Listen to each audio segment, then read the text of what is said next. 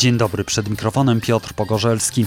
W tym wydaniu magazynu Po prostu Wschód będziemy mówić o integracji Białorusi i Rosji, a także manewrach Zapad 2021. Przeniesiemy się też do Czarnogóry, gdzie w zeszły weekend doszło do zamieszek. Odpowiemy także o Hasydach w Humaniu na Ukrainie.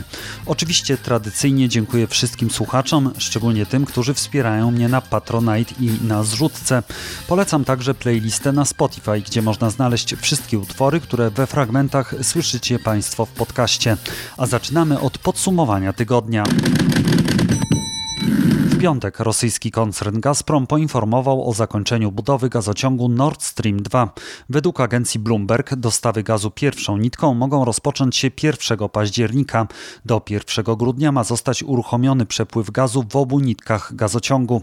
To, kiedy gaz przesyłany przez Nord Stream 2 znajdzie się w europejskiej sieci, ostatecznie zależy od decyzji niemieckiego regulatora, zaznaczył Bloomberg.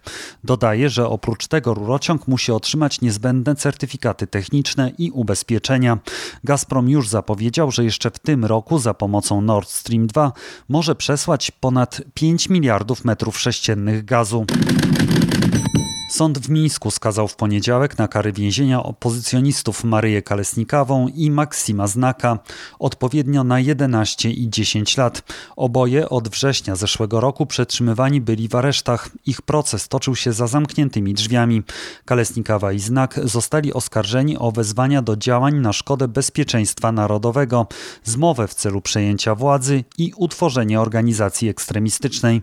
Obydwoje zostali uznani przez obrońców praw człowieka za więźniów politycznych. Sąd w Symferopolu na zaanektowanym przez Rosję Krymie aresztował w poniedziałek na dwa miesiące trzech Tatarów krymskich, w tym wiceszefa Medżlisu samorządu tatarskiego Narimana Dżelala. Mężczyzn aresztowano w związku z podejrzeniem o domniemane uszkodzenie rurociągu 23 sierpnia. Mają status podejrzanych z artykułu dotyczącego dywersji. Dodatkowo dwóch innych zatrzymanych skazano na kilkanaście dni aresztu za rzekome niepodporządkowanie się poleceniom funkcjonariusza. Wiceszefowa MSZ Ukrainy Emine Dżaparowa twierdzi, że rewizje i zatrzymania to zemsta za szczyt Platformy Krymskiej, który odbył się 23 sierpnia w Kijowie. Światowi przywódcy wyrazili wyrazili wówczas sprzeciw wobec rosyjskich działań na Półwyspie i jego aneksji. Rosyjski regulator mediów i internetu Roskomnadzor zablokował stronę internetową projektu Aleksieja Nawalnego Inteligentne Głosowanie. Wcześniej sąd w Moskwie zakazał amerykańskiej wyszukiwarce Google i rosyjskiej Yandex pokazywania w wynikach wyszukiwania nazwy Inteligentne Głosowanie. Ta strategia polega na oddaniu głosu na tego kandydata, który według szacunków prowadzonych przez współpracowników Aleksieja Nawalnego będzie miał w danym okręgu największe szanse na pokonanie reprezentanta rządzącego partii Jedna Rosja. Wybory parlamentarne w Rosji rozpoczną się w piątek za tydzień i potrwają do 19 września. We wrześniowych manewrach Zjednoczone Wysiłki 2021 na Ukrainie udział wezmą wojskowi z 15 innych krajów. Ćwiczenia odbędą się w dniach 22-30 września na wszystkich głównych poligonach oraz w basenach Mórz Czarnego i Azowskiego. Do przeprowadzenia strategicznych dowódczo-sztabowych manewrów są zaproszeni wojskowi z 15 krajów, w tym 11 państw NATO, w tym Polski. Ogółem w ćwiczeniach weźmie udział około 12,5 tysiąca osób. Не перематывай меня, все, что ты хотел сказать Белыми садами расцветай мое поле.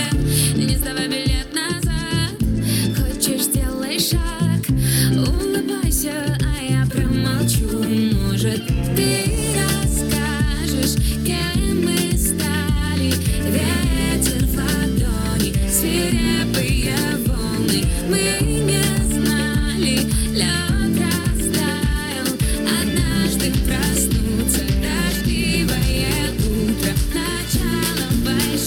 day.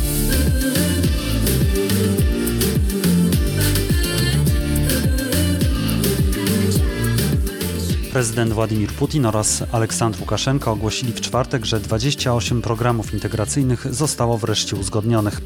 Mają one być jeszcze doszlifowane. O tym oraz o rozpoczętych tego samego dnia manewrach Zapad 2021 porozmawiam z Anną Marią Dyner z Polskiego Instytutu Spraw Międzynarodowych. Dzień dobry. Dzień dobry. Co wiemy o mapach drogowych, bo one y, dotąd nie zostały ujawnione. Aleksandr Łukaszenko obiecuje, że kiedyś to nastąpi. Właściwie chyba nie do końca wiemy kiedy. Padła data, że 4 e, listopada mają być już ostatecznie zatwierdzone. Czego się spodziewać po tych dokumentach? Faktycznie dzisiaj pojawiły się informacje po spotkaniu Rad Ministrów rządów obu państw w Mińsku dotyczące konkretnie tych 28 map drogowych, w zasadzie 28 programów, dlatego że, że mapy drogowe zostały w te 28 programów przekształcone. Pojawiła się informacja z nazwami tych poszczególnych programów i krótkim opisem. W większości przypadków e, te programy dotyczą bardzo szczegółowych kwestii związanych z, ze sprawami gospodarczymi, ze sprawami finansowymi. To, co jest dość istotne wśród tych 28 punktów, mm, są trzy dotyczące kwestii energetycznych. Do 1 grudnia 2023 roku zapowiedziano sformowanie jednolitego rynku gazu, natomiast już zapowiedziano sformowanie, uwspólnotowienie e, rynku ropy naftowej i produktów ropopochodnych oraz e, rynku energii elektrycznej, łącznie z tym, że mają zostać również przyjęte wspólne normy dotyczące eksploatacji elektrowni jądrowych e, w obu, w obu państwach. To, co jest też dość, dość interesujące, to znaczy z kuluarowych przecieków można się dowiedzieć, że 29 program E, został wyjęty, dotyczył on integracji wojskowej, integracji militarnej, dlatego że też było niewielkie zamieszanie związane z liczbą tych e, programów. Jeszcze do wczoraj na przykład białoruskie źródła mówiły o 29 programach. Od e, wczorajszej konferencji prasowej Łukaszenki i Putina zaczęła być mowa o 28. No I tak jak pan redaktor wspomniał, na razie te programy zostały zatwierdzone przez prezydentów, zostały zatwierdzone przez przez premierów obu państw. One jeszcze mają być doszlifowane i mają zostać ostatecznie przyjęte e, na Radzie Najwyższej Państwa Związkowego i potem e, dopiero już oficjalnie przyjęte jako dokumenty wiążące dla państwa związkowego. Natomiast to, co na, czego na razie nie wiemy, to są szczegóły dotyczące wszystkich tych e, programów, a jak wiadomo, w nich e, będzie się e, kryło najważniejsze, na ile to Białoruś będzie musiała przyjąć i zaakceptować rozwiązania rosyjskie, na ile Rosjanie są gotowi ewentualnie troszkę się przystosować, żeby nie powiedzieć nagi nagiąć do, do rozwiązań białoruskich, bo jak wiadomo, gospodarki obu tych państw się znacznie różnią i zapewne pewne e, efekty mogą być e, dużo gorsze dla gospodarki Białorusi, jeśli faktycznie wiele rozwiązań prawnych, które obecnie obowiązują w Rosji, zostaną po prostu przeniesione na białoruski grunt. No tak, czyli właściwie trudno nam teraz ocenić dokładnie, y, kto tutaj wygrał i kto tutaj przegrał, ale czy my możemy powiedzieć, że specjalnie dążono do tego, żeby przynajmniej prezydenci ogłosili to teraz? W związku z jednej strony z tym, co się dzieje na Białorusi, a z drugiej strony z tym kalendarzem wyborczym w Rosji, ponieważ będziemy mieć e, wybory właściwie już za tydzień, one zaczynają się w piątek, więc e, może Władimirowi Putinowi właśnie taki sukces jest potrzebny, tylko żeby powiedzieć, że to jest sukces, powinniśmy właściwie wiedzieć, co tam jest napisane. Zdecydowanie ten sukces Władimirowi Putinowi był potrzebny przed e, wyborami do Dumy. Chcę po prostu pokazać, że mm, Rosja prowadzi e, również taką koncyliacyjną politykę zagraniczną, że oto integruje się z kolejnym partnerem, że stosunki z Białorusią układają się bardzo dobrze. Natomiast e, myślę, że paradoksalnie niekoniecznie musi być znana treść dokładna tych umów, żeby to zostało ogłoszone jako sukces, bo sądzę, że rosyjskie media to sprzedadzą po prostu, że udało się osiągnąć porozumienie po w zasadzie prawie trzech latach negocjacji, e, że oznacza to dalszą integrację Białorusi i Rosji i w zasadzie nikt pewnie się nie będzie skupiał nad szczegółami, nad tym, co to będzie w praktyce oznaczało dla obydwu państw. Ale obrazki w telewizji, jak sądzę, będą wyglądały dobrze. Zresztą już to częściowo zostało skonsumowane przez rosyjskie media wczoraj czy dzisiaj i nie wątpię, że w ciągu najbliższych dni te informacje będą się też często pojawiały w oficjalnych rosyjskich kanałach. To są właściwie zamierzenia, plany w tych mapach drogowych. Y, czy tam też są konkretne zapisy, które by mogły właśnie świadczyć o tym, że no, dochodzi już do zjednoczenia, pełnego zjednoczenia y, Białorusi i Rosji? Z tego, co zostało opublikowane, na razie to nie wynika. To znaczy, oczywiście jest to duże, e, duża integracja, zwiększenie stopnia integracji gospodarek obu państw. Natomiast, tak jak wspomniałam, my nie znamy szczegółów tych e, poszczególnych umów, dlatego że w zasadzie pod każdym programem kryje się hasło czy sformułowanie, że oba państwa przyjmą stosowną umowę. I pewnie w tych umowach będą konkretne szczegóły. Pytanie, czy te umowy będą powszechnie dostępne i znane, czy nie, pozostaje otwarte w tym momencie, więc, e, więc my do końca nie wiemy, tak jak już wspomniałam, e, jakie będą obciążenia dla e, obydwu państw i jakie ewentualnie mogą być zyski. Natomiast oczywiście politycznie jest to gest czy wydarzenie, które pokazuje na zwiększenie stopnia kontroli Białorusi przez Rosję, na coś, co coś, czego białoruskie władze usiłowały uniknąć jeszcze w 2019 czy do połowy 2020 roku. I sądzę, że niezależnie od treści tych dokumentów, to będzie jeden z elementów, e, dzięki którym rosyjskim władzom, e, czy Rosji jako takiej będzie łatwiej e, kontrolować przecież bardzo ważną część życia, jaką jest gospodarka. Dobrze, a czy my możemy wyciągnąć taki wniosek, że to też oznacza, ponieważ mamy tam daty, na przykład to, co pani mówiła o tym rynku gazu, tak, który ma być podpisany do 1 stycznia 2023 roku. Czy my możemy stąd wyciągnąć wniosek, że Aleksandr Łukaszenka będzie utrzymywany przez Rosję do momentu właśnie ostatecznego dobicia tych wszystkich umów? Czy to jest zbyt pochopny wniosek? Myślę, że to jest, że to jest pochopny wniosek, to znaczy tak na dobrą sprawę formowanie jednolitego rynku gazu to było coś, na czym zależało Białorusi przede wszystkim. Więc na razie uzgodnione zostały ceny na rok następny i do tego 1 grudnia 2023 roku obie, oba państwa mają uzgodnić e, funkcjonowanie tego wspólnego rynku gazu. I myślę, że to jest delikatny ukłon w stronę e, białoruskich władz, aczkolwiek to też z informacji kuluarowych dochodzi, że zgoda na to sformowanie jednolitego rynku gazu, czyli w zasadzie tej, tej samej ceny na gaz dla podmiotów rosyjskich i białoruskich, była związana z tym, że Białoruś nie otrzyma rekompensaty za tak zwany manewr podatkowy, czyli za to, że z kolei będzie musiała płacić światowe ceny za ropę naftową, a nie e, mniejsze, jak to miało miejsce jeszcze kilka lat temu. Mm, I że nie będzie żadnych innych e, schematów e, czy sposobów na wsparcie nieoficjalne białoruskiej gospodarki przez, przez Rosję. Aczkolwiek na pewno te niższe ceny na gaz, jeżeli one faktycznie wejdą w życie, będą jakąś, może nawet dość dużą ulgą dla e, białoruskiej gospodarki. Czyli tutaj by pani nie łączyła tego jakoś z przyszłością Aleksandra Łukaszenki, tych e, umów i porozumień? Myślę, że myślę, że nie. Myślę, że te procesy są trochę odrębne. E, dlatego że jakby nie ma w tych umowach na razie nic, co oznaczałoby zmianę systemu politycznego, czy nacisk większy ze strony Rosji na przeprowadzenie choćby wyborów e, nowych prezydenckich na Białorusi, czy zmianę konstytucji.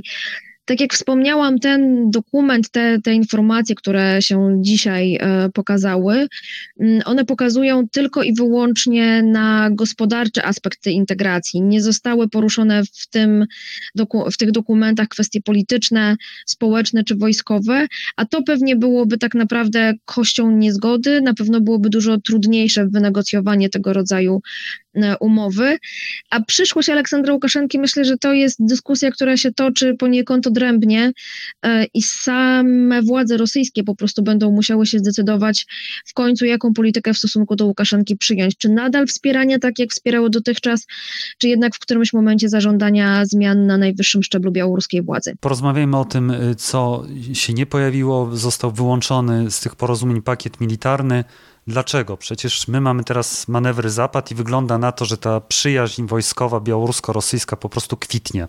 E, najprawdopodobniej zostało to wyłączone celowo, żeby e, można było odnieść wrażenie, że ten pakiet dotyczy tylko i wyłącznie kwestii gospodarczych. To jest też ciekawa historia, dlatego że, tak jak wspomniałam wcześniej, były pro, problemy choćby z ustaleniem liczby tych e, programów integracyjnych.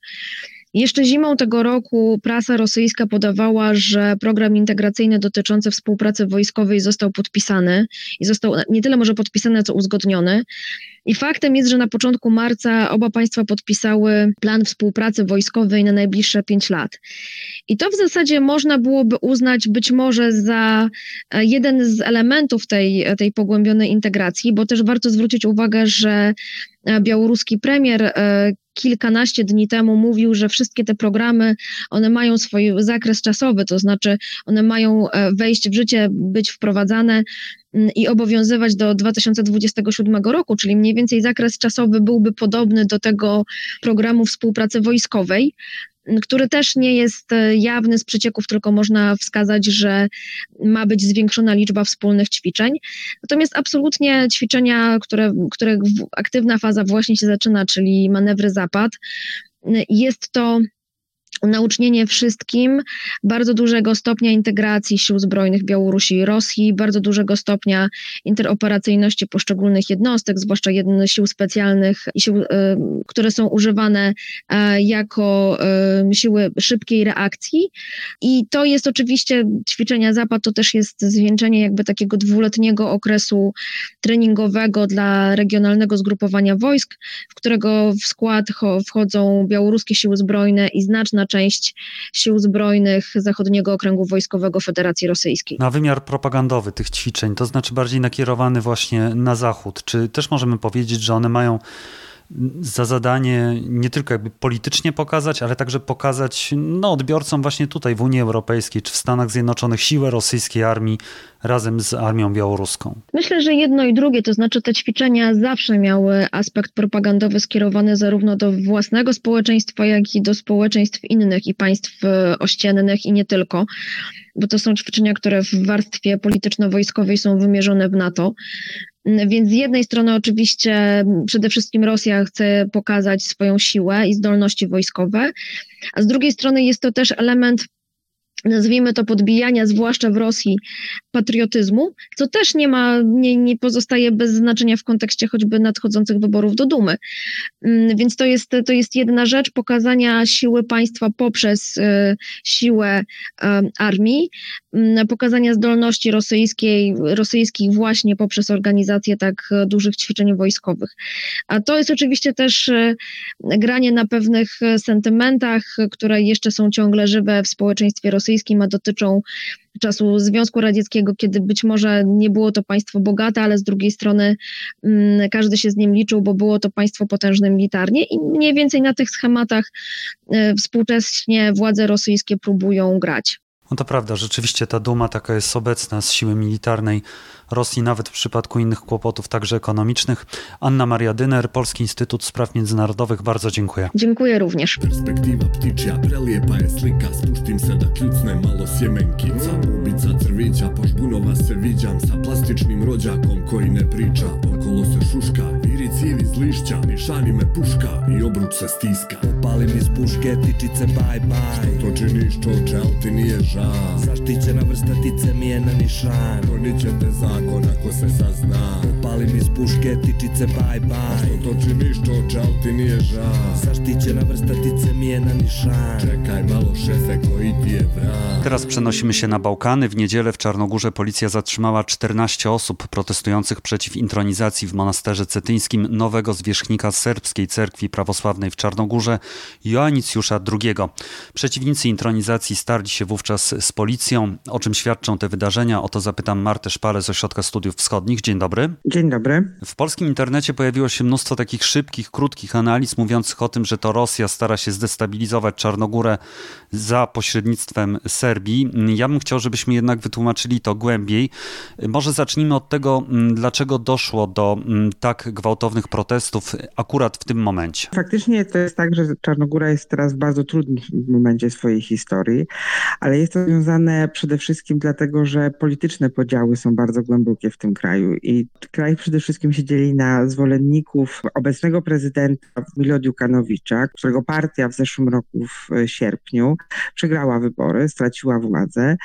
Władzę przejęła bardzo taka krucha koalicja partii serbskiej mniejszości, partii obywatelskich. To te podziały w opozycji zawsze były przez Milo Dziukanowicza bardzo mocno rozgrywane i on zawsze był w stanie właśnie dzielić tą opozycję na tą kartą właśnie narodową, dlatego że, że ta opozycja to jest przede wszystkim, to są przedstawiciele właśnie mniejszości serbskiej, którzy stanowią około 30% mieszkańców e, Czarnogóry i takie partie bardzo nastawione na integrację z europejską, na, na pogłębianie współpracy z NATO, dla których bardzo jest ważna, ważne rządy prawa. I to się bardzo jakby długo udawało, aż do zeszłego roku. I ta władza została utracona. E, musimy też pamiętać, że e, rządy Milo Dukanowicia, one są związane jakby z bardzo głęboką korupcją, jakby z wykorzystywaniem instytucji państwa właśnie dla interesów partyjnych. W Czarnogórze krążą legendy o tym, jak bogata jest rodzina Dukanowicza. Jest to też powiązane, jakby nie ukrywajmy, z, z działalnością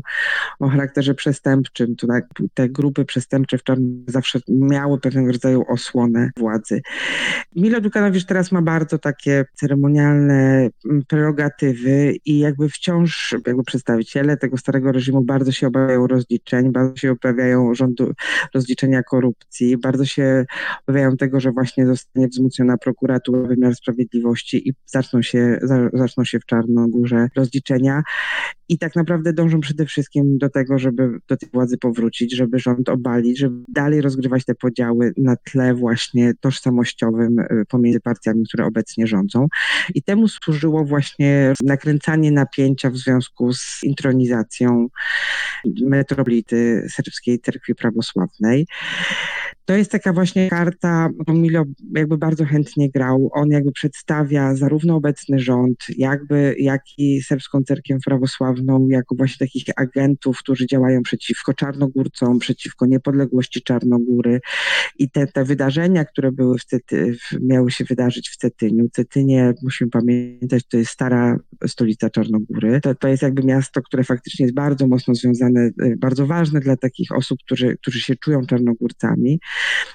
I, i jakby przez, zaczęto przedstawiać w takich mediach, które, które właśnie są produkanowiczowskie, jako taki akt, który będzie podważał tą tożsam, toż, tożsamość czarnogórską. Faktycznie, szczególnie ostatnio, serbski kościół prawosławny no jest traktowany, on zawsze był bardzo zdystansowany do, do, do właśnie samej kwestii tożsamości czarnogórskiej. I tutaj w ostatnich latach pojawiają się coraz większe pytania co do polityki tej cerkwi i w jaki sposób ona jednak y, idzie w kontrze do tego, co jakby jest definiowane jako cel Czarnogóry jako państwa, czyli właśnie członkostwa w NATO, członkostwa w Unii Europejskiej. No cerkiew jest wobec tego bardzo sceptyczna, była bardzo zaangażowana w protesty przeciwko członkostwu w NATO.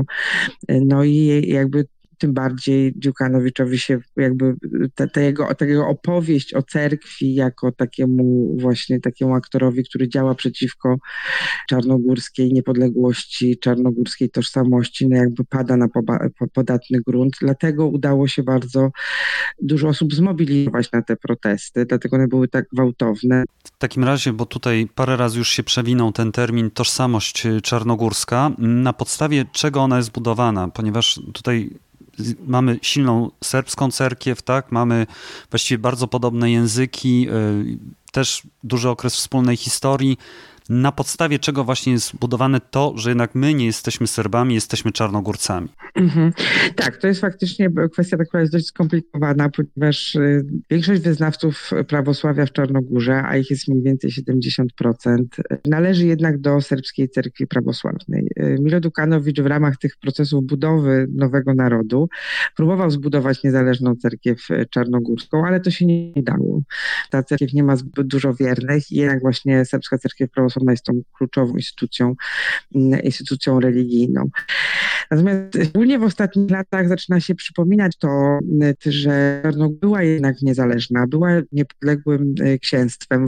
Zaczynają coraz częściej podkreślać, że mieli swoją własną, niezależną organizację kościelną i że to zjednoczenie kościołów czegórskiego i serbskiego na początku XX wieku też było zrobione siłą i nialnie, więc tutaj mamy co bardziej takie nastawienie na, na budowanie też tożsamości w kontrze do tożsamości serbskiej, przypominanie o tym, że to nie jest tak, że, to, że, że jak to Serbowie i Belgrad chciałby widzieć, że czarnogórskość jest po prostu tylko jakąś taką regionalną wersją serbskości, ale że jest to totalnie, że to zupełnie odrębna tożsamość. Dlaczego nie udało się zbudować e, tej cerkwi czarnogórskiej? Bo tutaj pani mówiła, że były takie próby, ale one skończyły się porażką. Z czego to wynika? To znaczy, ja bym powiedziała, że z jednej strony to jest tak, że faktycznie wśród czarnogórców jest duże przywiązanie do, do swojego kościoła.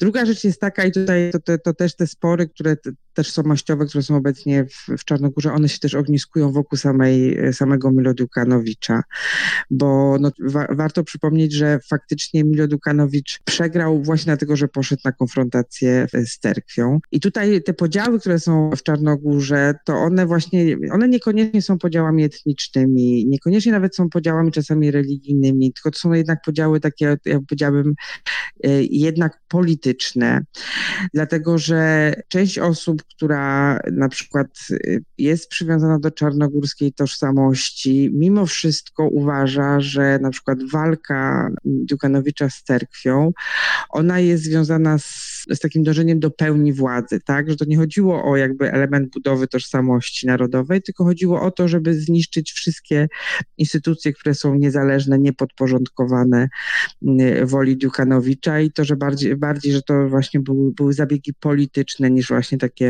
takie tożsamościowe.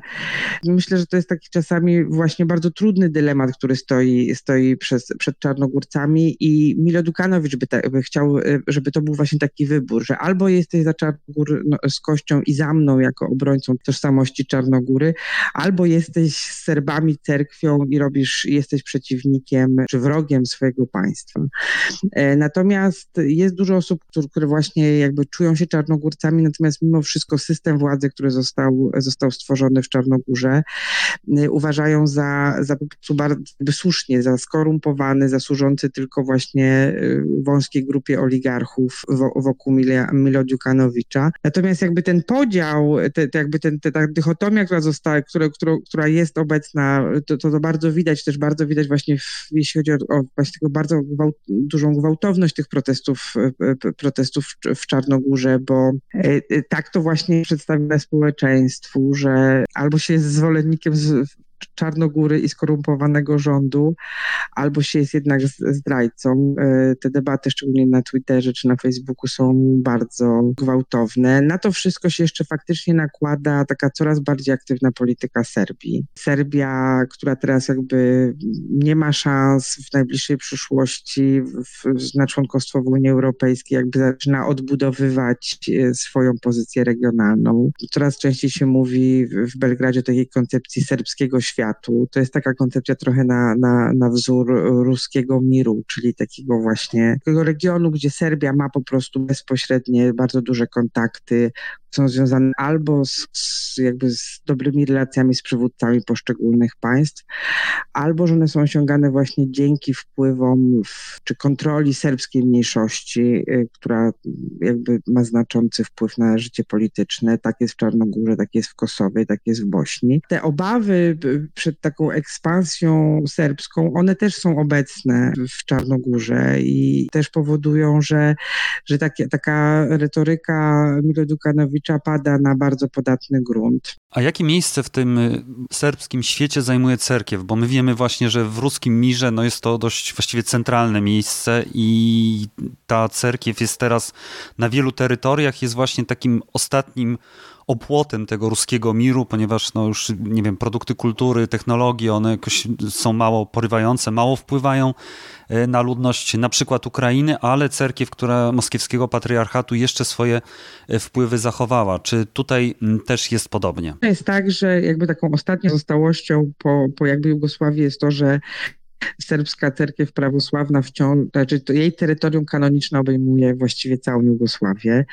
Mamy tutaj problem w Macedonii, ponieważ akurat w Macedonii i to jeszcze w czasach komunistycznych udało się stworzyć niezależną cerkiew, która wprawdzie jest nieuznawana przez inne cerkwie, ale jest to główny kościół Republiki Macedonii, tam właśnie należy większość wiernych macedońskich.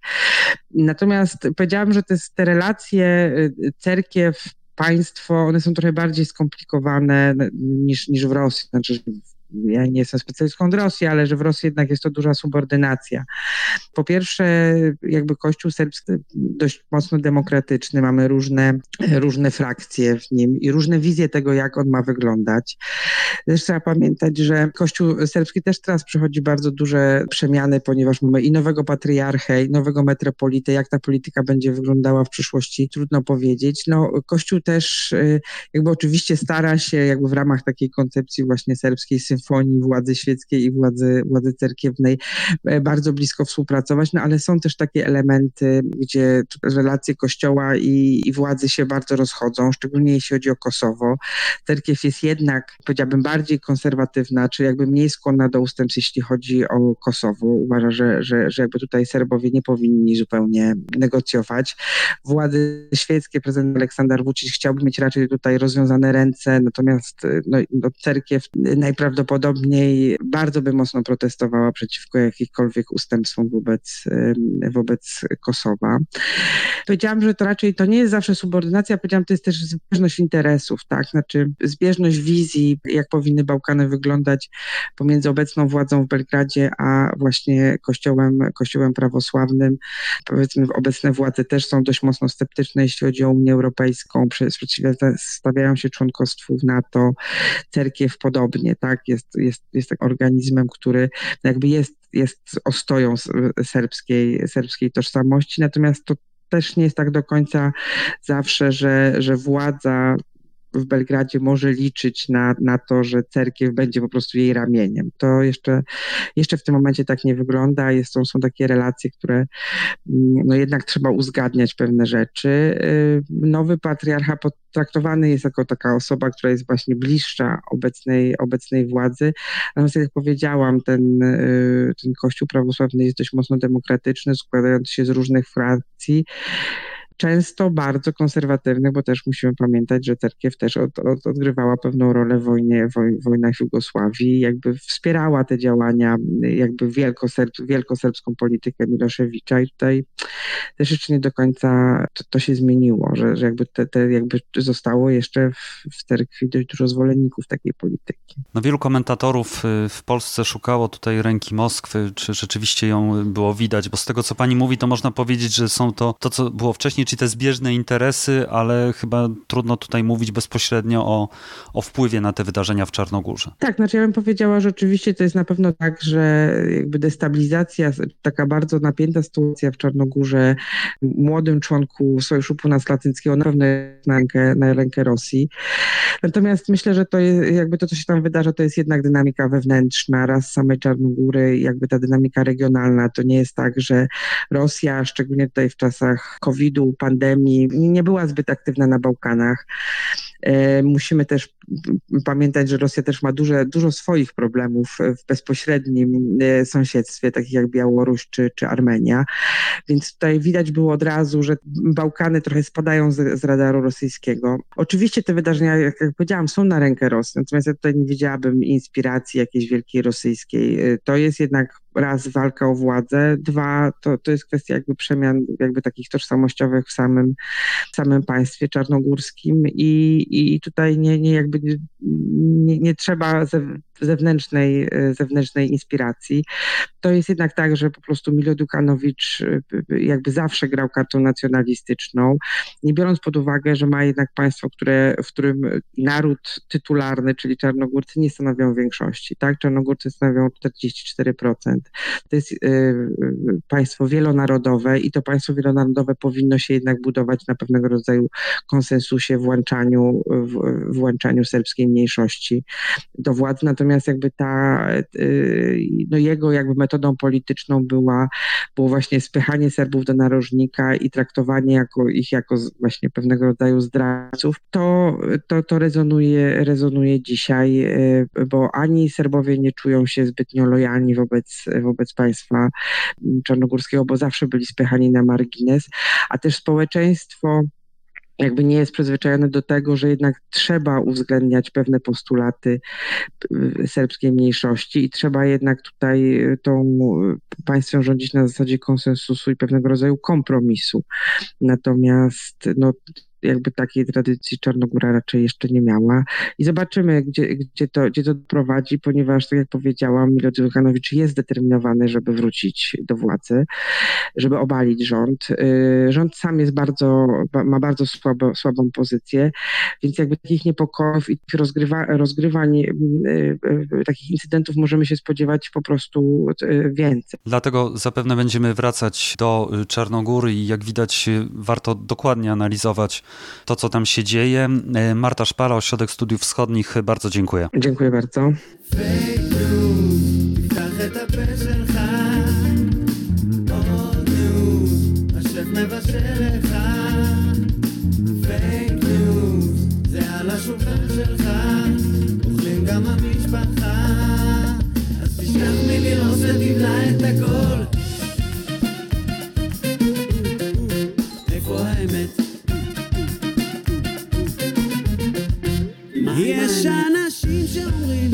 Około 30 tysięcy Hasydów wzięło udział w obchodach judaistycznego Nowego Roku, czyli święta Rosh Hashana w Humaniu na Ukrainie. W mieście tym jest grup Cadyka Nachmana z Bracławia, uważanego za jednego z najsłynniejszych mistyków żydowskich, do którego pielgrzymują tysiące Hasydów z całego świata, nie tylko na to święto. Łączymy się z Jerozolimą, gdzie jest socjolożka Ała Marczenko, doktorantka Polskiej Akademii Nauk. Dzień dobry. Dzień, dzień dobry. Porozmawiajmy krótko na temat tego, dlaczego Hasydzi przyjeżdżają do Humania. Kim dla nich jest Nachman z Bracławia? To jest e, bardzo ciekawy fenomen, ja myślę też na skalę e, światowej, e, dlatego że jest dużo, dużo cadyków na terenie współczesnej Ukrainy, Polski, innych państw, tak, ale właśnie do cadyka Nachmana przyjeżdża tak dużo osób. I właśnie to był cadyk. Cadyk to jest taki przewodnik grupy Hasydów.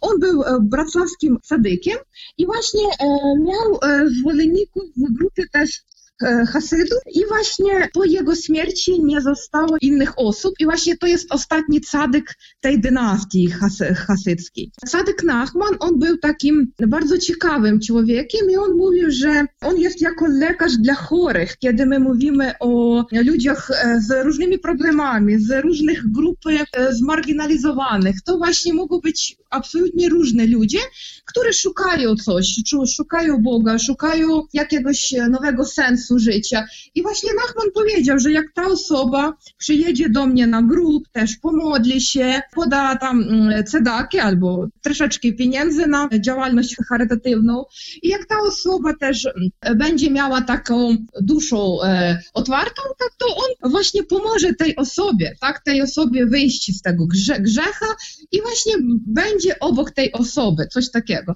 I tak dużo osób, które mają różne problemy, właśnie nie tylko teraz w tych kręgów hasyckich, a dużo osób, które e, są też albo przedstawicielami innych grup hasyckich, albo właśnie nie są hasydami, oni są zainteresowanymi osobami, przyjeżdżają do Humania. I ten fenomen teraz jest tak duży, tak? Ten fenomen, on właśnie wychodzi za ramy e, innych pielgrzymek, które też mają miejsce na terenach Ukrainy lub Polski. A proszę powiedzieć, kiedy zaczęło się to pielgrzymowanie? Czy to było związane też z upadkiem Związku Radzieckiego w jakiś sposób? To jest ciekawe pytanie, dlatego że Cadyk Nachman albo Rabbi Nachman, on zmarł w 1810 roku.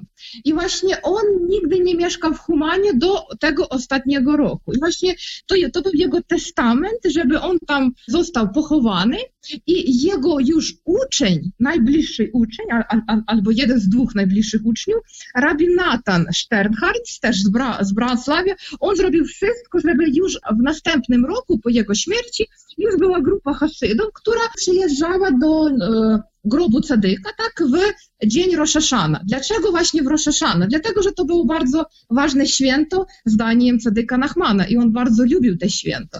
I właśnie on mm, po prostu powiedział, że to jest ważne, a już jego uczeń, rabbi Natan powiedział, że okej, okay, jak to było tak e, bardzo ważne dla Cadyka Nachmana, to niech to będzie. I on właśnie w, w pierwsze te lata, 1811, 12, 13, tak, był e, takim inicjatorem pielgrzymek, ale te pielgrzymki nie były tak duże, tak, tak, tak liczne. Było um, kilkadziesiętku osób, tak, i um, to były po prostu e, grupy no, małe. Ten status grupy wrocławskich Hasydów w tym czasie był bardzo takim zmarginalizowanym. I ten fenomen, który my za, za, zauważamy dzisiaj, to jest zupełnie coś innego. A kiedy ta liczba się zaczęła zwiększać? Bo ja mam takie wrażenie, że z roku na rok tych Hasydów jest y, coraz więcej. Tak, to jest, ja myślę, w pewnym sensie to jest prawda. Od początku lat 30. do końca lat 80. był zakaz pielgrzymek, był zakaz po prostu wszelkiej religijnej działa, działalności w różnych dziedzinach. Tak? I pielgrzymki to był jeden z tych momentów, których no, nie było oficjalnie.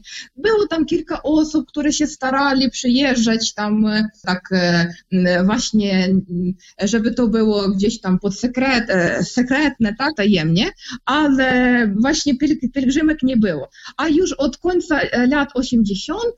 E, były grupy kilkadziesiątków osób, potem kilkaset osób, potem kilka tysięcy osób i właśnie tak, możemy powiedzieć, że w 2017 roku była dotychczas największa pielgrzymka, to było prawie 35 tysięcy osób. Na czym polega w ogóle świętowanie Rosh Haszany? Ponieważ no, z tego co ja pamiętam jest to święto dość chyba wesołe jednak dla Hasydów. To jest święto, które właśnie jest tylko jednym z dużej liczby święt, które też nadchodzą. Na przykład już za kilka dni będzie Jom Kippur, a potem będzie Sukkot, to też to, tak, to, to jest właśnie tylko początek świąt, ale Rosh Hashana to e, w tłumaczeniu z hebrajskiego oznacza głowa roku.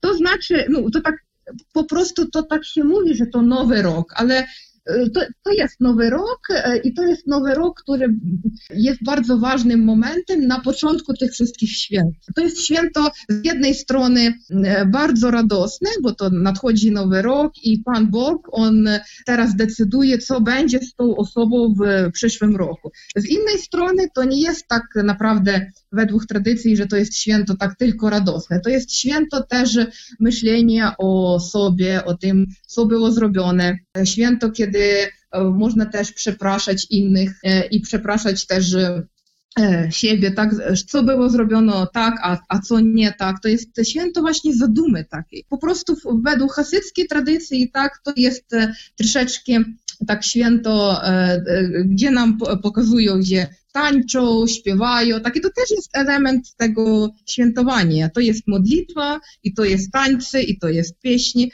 i jak my mówimy o humanie, to też jest bardzo ważne, naj, naj, najpierwsza rzecz to jest modlitwa przy grobu Cadyka. I to e, właśnie trwa dwa dni od początku, e, od zachodu słońca, tak, e, dnia poprzedniego, tak, do końca drugiego dnia święta. I właśnie Rosh Hashanah trwa dwa dni. A jak wygląda reakcja mieszkańców samego Humania na to, że tylu Hasydów przyjeżdża? Bo ja pamiętam, byłem no mniej więcej chyba z 10 lat temu, byłem też w tym roku i mam wrażenie, że po pierwsze coraz więcej Hasydów ma y, mieszkania tam tuż przy grobie Nachmana i właściwie powstaje taka w pewnym sensie dzielnica żydowska. Także są budowane hotele dla nich, prawda, specjalnie. Więc to oblicze tych okolic się bardzo zmienia. Jak na to reagują mieszkańcy Humania? To też zależy od tego, jakie mieszkańcy, tak, i właśnie to też zależy od do jakiej grupy społecznej te mieszkańcy e, teraz e, siebie odnoszą. Moment pierwszy, że to jest kwestia bardzo dynamiczna, ona się rozwija i na przykład w Humaniu teraz e, mieszka grupa osób, przeważnie z Izraela, która mieszka tam na stałe. To grupa osób, które na początku byli pielgrzymami, tak, a teraz oni tam zamieszkują po prostu. I teraz to też e, są mieszkańcy miasta teraz. Część osób ma obywatelstwo ukraińskie i część osób tam właśnie zdecydowała przejechać, tak, do, do Humania. I e, to jest Pierwsza kwestia, pielgrzymi i te osoby, które mieszkają na stałe właśnie wśród byłych pielgrzymów, Inna kwestia to jest relacja z mieszkańcami, które może pracują tak w tej dzielnicy albo mają jakieś inne interesy zarobkowe tak w tej dzielnicy. I mieszkańcy miasta zwykłe, które e, większość osób miasta, która nie korzysta się z, tej, z tych pielgrzymek żadnym e, czynem, tak. Na przykład kilka lat temu był taki bardzo ciekawy projekt, w którym uczestniczyłam. On się nazywał Reherit. Też współpraca z Centrum Historii Miejskiej we Lwowie. Były przeprowadzone badania. Według tych badań w 2018 roku prawie 25% osób, e, zwykłych mieszkańców Humania, mają jakieś e, interesy zarobkowe tych pielgrzymek. To znaczy, że większość osób nie ma. I oczywiście, że e, wzrost pielgrzymów, też restrykcji w mieście, dlatego że jest też dużo policji, kontroli w tym czasie, to e, różne kwestie w mediach tak, ukraińskich, one są jak najbardziej skoncentrowane na pytaniach takich negatywnych, jako śmieci, jako jakieś zachowanie nie bardzo fajne i dlatego mieszkańcy zwykłe, oni myślą właśnie różne tak rzeczy, ale e, jest taki trend do więcej negatywnego takiego e, myślenia, że te pielgrzymi tylko tworzą e, na przykład chaos i, i tych pielgrzymów za dużo i też robią taki balagan i to i to i krzyczą. Zwykłe mieszkańcy nie są jak najbardziej zadowoleni z pielgrzymek i też ja myślę, że ważny moment, że też mówią dużo o pieniądzach. Także dużo pieniędzy przywo e, przywożą pielgrzymi, a w mieście tego nie widać, tak? Tak dużo problemów. Właśnie o to chciałem zapytać, ponieważ nawet ci ludzie, którzy bezpośrednio nie współpracują z hasydami, tak nie obsługują tych pielgrzymek, czy też ich nie obsługują, oni i tak powinni zarabiać, bo no, na logikę miasta i szczególnie po reformie samorządowej, miasto powinno bardzo na tym korzystać. Przy czym ja właśnie w tym roku w Humaniu miałem takie wrażenie, że miasto w porównaniu z innymi miastami ukraińskimi, które bardzo się zmieniają dzięki reformie, ono właściwie zmienia się w taki sposób minimalny. To znaczy, przypuszczam, tak, że część tych dochodów albo większość po prostu pozostaje w szarej strefie. Tak, i właśnie o to chodzi też, jak ja jeszcze raz e, powiem o tym badaniu, które przeprowadziliśmy, że zwykły mieszkaniec, e, mieszkaniec nie widzi e, tych pieniędzy właśnie u siebie, ale też mówi, że na poziomie innym, na poziomie może władz miejscowych albo władz e, państwowych, tak, te pieniądze oczywiście gdzieś e, są, tak, ale on ich nie widzi po prostu. E, oczywiście, że są ludzie, którzy korzystają bezpo, bezpośrednio, tak, tam pracują, ale jak ja powiedziałam, że na poziomie miasta no to nie jest taka grupa jak najbardziej widoczna, to nie jest grupa, która stanowi większość osób. Tak, i to, i to jest tak, że zwykły mieszkaniec, on widzi tylko ten moment e, wyznania miasta, ten moment prestiżu na skalę międzynarodowej, ale w sensie życia własnego, w, w sensie jakiegoś dobra dla siebie, on widzi mało, naprawdę. Czy Pani zdaniem jest szansa, żeby to zmienić? Czy są jakieś e, podejmowane kroki, na przykład, żeby te dwie grupy się poznały? To znaczy, żeby ci ludzie wiedzieli więcej o sobie, czy przynajmniej, żeby mieszkańcy Humania wiedzieli o tym, kto tak naprawdę do nich przyjeżdża? Ja myślę, że ten proces już idzie, ale on, on idzie bardzo powoli, ale on już idzie.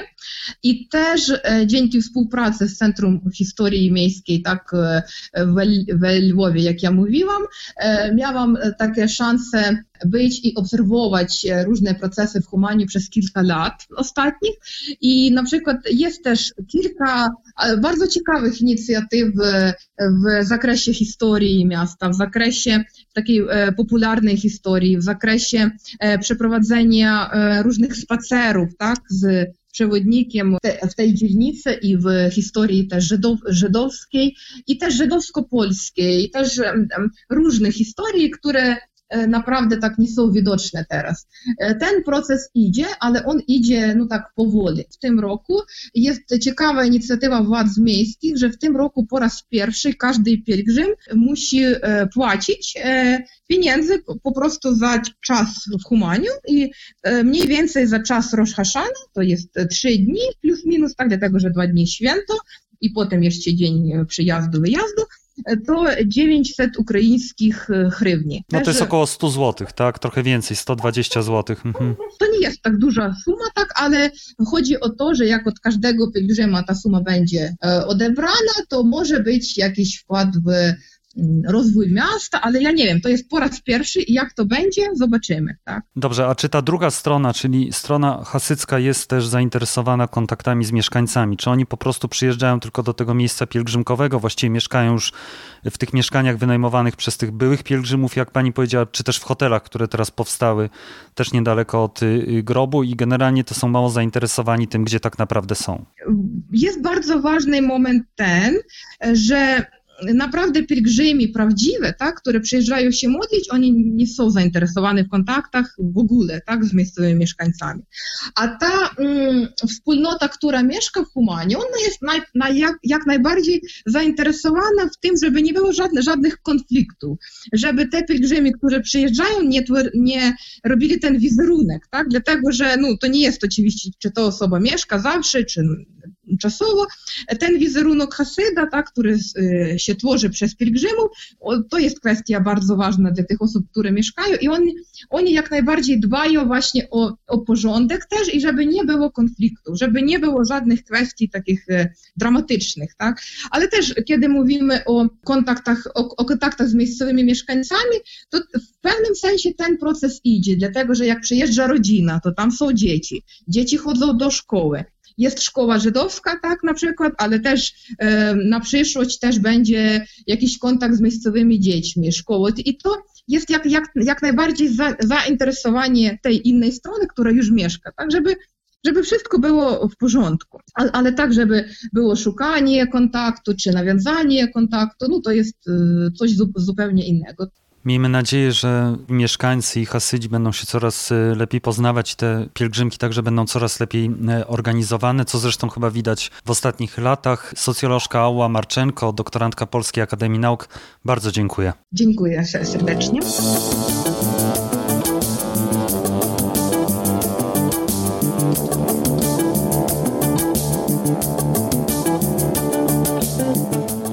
To już wszystko w tym odcinku podcastu Po prostu Wschód. Zachęcam do wspierania mojej inicjatywy na Patronite i zrzutce, a także do zajrzenia na Spotify, gdzie cały czas aktualizuję playlistę z utworami z moich podcastów. Do usłyszenia za tydzień. Żegna się z Państwem Piotr Pogorzelski.